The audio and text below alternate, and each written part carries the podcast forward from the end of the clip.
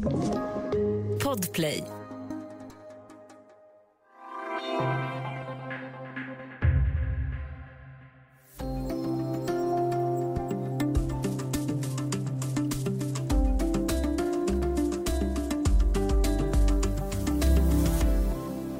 Після того, як російські війська покинули Бучу, ми на найближчих вулицях і в городах, в садках побачили особисто близько 15 вбитих людей. Всі вони були в громадянській формі. Солдатів серед них не було. När de ryska trupperna lämnade Butja såg jag ungefär 15 kroppar på gator och i trädgårdar. Alla hade civila kläder. Jag såg inga soldater bland dem. Ja, det berättar Butjabon Dimitro för Dagens Nyheters utsända. I dagens Studio DN, en direktrapport från Ukraina om anklagelsen om krigsbrott i Butja och om konsekvenserna för Ryssland. Välkommen, jag heter Ylke Holago.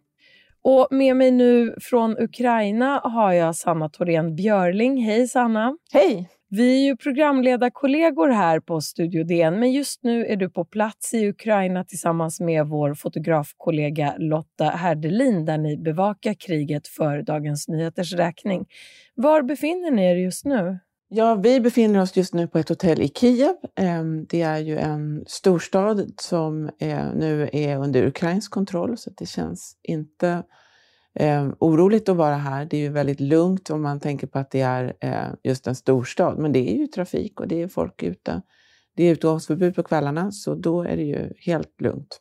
Och igår tisdag så var ni ju i Butja, den här Kievförstaden som hamnat i världens blickfång efter att ha utsatts för vad många menar är uppenbara krigsbrott. Vad var det ni möttes av i Butja? Ja, när man kör in mot Butja som då ligger ett par mil norr om Kiev så eh, ser man ju, det är ju verkligen en krigs, ett krigs, krigslandskap man ser där med eh, att hus är förstörda och så. När man kommer fram till Butja, de kvarteren som vi var i då, som är bland de som har varit eh, då ute mycket nu under de senaste dygnen, så är eh, de här gatorna är ju helt förstörda. Det, ligger, det står stridsfordon eh, som är helt förstörda på, mitt i gatan och blockerar vägen. Och sen är det splitter av glas och metall, fordonsdelar, eh, odetonerad ammunition. Eh, husen är väldigt skadade. En del är ju helt, eh, helt förstörda och andra kanske saknar ett tak eller en vägg eller fönsterrutor. Och andra är lite mer ehm, eh, oskadda, men så ligger en massa bråte överallt. Så det är ju en eh, ganska förfärligt att se faktiskt. Och så går det runt människor. Det är rätt mycket ukrainsk militär och polis som går runt där och försöker säkra området. Det kan ju finnas eh, just odetonerad eh, ammunition och, och, minor och såna här eh, booby traps eh, lite här och var. Så man, får ju, man ska ju inte gå någonstans där, man inte, där det inte är säkert. Eh, men det är mycket, har ju varit mycket folk där de senaste dygnen. Och en, en viktig del av det som eh, då misstänks vara krigsbrott det är ju mängden dödade civila som då har dokumenterats bara liggandes gat på gator och torg i, i Butja till synes då brutalt eh, avrättade. Vad berättade de Butjabor ni mötte för er om vad de har varit med om?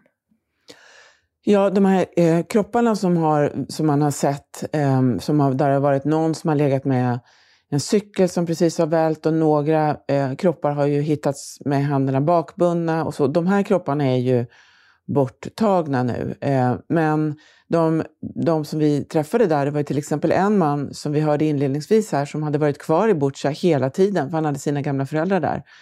De hade varit inne i hans hus under hela mars, då, hela, ja, eh, sen i slutet av februari. Och eh, under då ryssarnas eh, attacker och angrepp på Butja. Och när han berättade att när han gick ut första gången efter befrielsen då, så hade han eh, råkat på då, eh, sett ett 15-tal kroppar. Eh, och andra som var där berättar ju om hur ryssarna kom in i omgångar dit. Först bara några dagar efter invasionen startade Ehm, då blev de ivägkörda av ukrainsk militär, och, men lämnade efter sig ganska mycket förödelse. Sen kom de tillbaka och stannade då längre.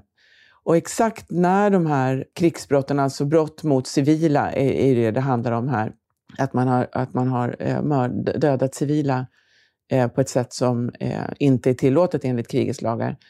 När de här personerna har dödats, det, det, vet man ju inte riktigt. Några verkar ju ha varit döda i flera veckor om man räknar från nu och andra kanske lite mer nyligen. Men eh, de som bor där är ju ganska för, är ju naturligtvis förfärade och bedrövade över att återvända. Många, flera av dem hade också varit lite fram och tillbaka, verkade det som. Det var eh, ett par kvinnor där som sa att ja, men jag flyttade hem till min syster, men, men jag kom hit då och då, för jag har ju katten här och jag har mina blommor som jag behöver vattna. Så det har ju varit en eh, väldigt märklig situation.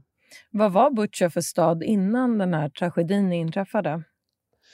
Ja, det beskrivs eh, av, av, folk jag pratat med här som en, en förort som mår väldigt bra, som är expansiv. Det, det, det, har, det har ju varit en liten by då kan man väl säga eh, från slutet av 1800-talet, men blev en, vad ska man säga, en, en, en, kommun, en egen, en egen enhet så sent som 2006. Och man ser också väldigt mycket nybyggen på vägen in där, alltså moderna bostadshus som, som ser ut som de skulle kunna vara från vilken förstads, liksom förort som helst. Med, eh, ja, men det är blandat med flerfamiljshus och lite parhus och lite villor och det ser väldigt eh, snofsigt ut. Eh, nu är ju en del av de där, eh, även nybyggena, då förstörda. Eh, men eh, det sägs att det, det bor mycket Eh, barnfamiljer som kommer hit. Det finns bra skolor, lekplatser, andra parker och föräldrarna kan pendla in till Kiev där också hyrorna är ju mycket högre.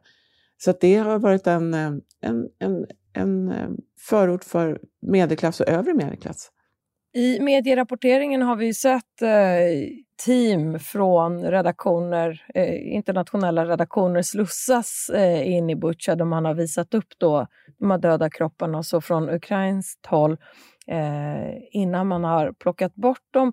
Hur, hur gick det till för er? Hur tog ni er till eh, Butja? Ja, vi åkte i egen bil. Det var jag och fotograf Lotta Hedelin och eh, en eh, tjej som vi jobbar med här som är lokal som hjälper oss och en chaufför då, som kommer från Kiev. Så vi åkte dit helt på egen hand. Men man ser ju också en del av de här bussarna, så den ukrainska militären har ordnat vad ska man säga, grupptransporter ut dit med eh, journalister för att då visa det som händer. Och häromdagen var ju även Ukrainas president här och uttryckte sin bestörtning över vad som har hänt där. Så det är klart att det har varit väldigt mycket journalister där. När vi var där så, så var vi också ett par dagar senare kan man säga, så det var betydligt lugnare. Det är klart att det var andra reportrar där, men också som jag sa mycket ukrainsk militär. Men det går att ta sig dit själv. Eh, det tar ett par timmar för man får åka en del runt. Man kan inte åka raka spåret in från centrala Kiev, utan man får ta en liten omväg. Det är ganska mycket trafik och en hel del vägspärrar.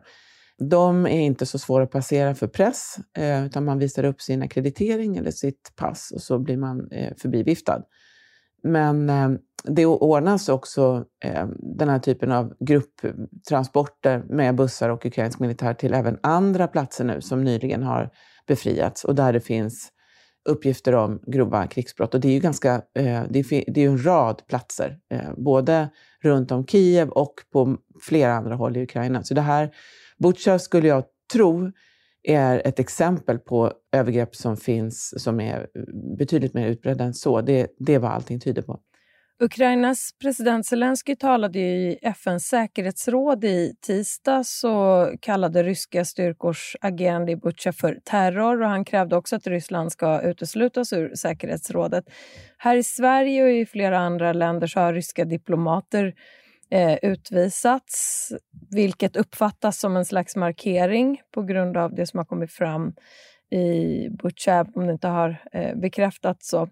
Ryssland avvisar ju de här anklagelserna om krigsbrott och skyller bland annat på Ukraina. Då undrar jag, Sanna, hur pratar man om den här utvecklingen i Butja och bland dem ni har mött i Ukraina? Jag har bara varit här några dagar nu. Ehm, men också pratat tidigare med ukrainska flyktingar i Polen.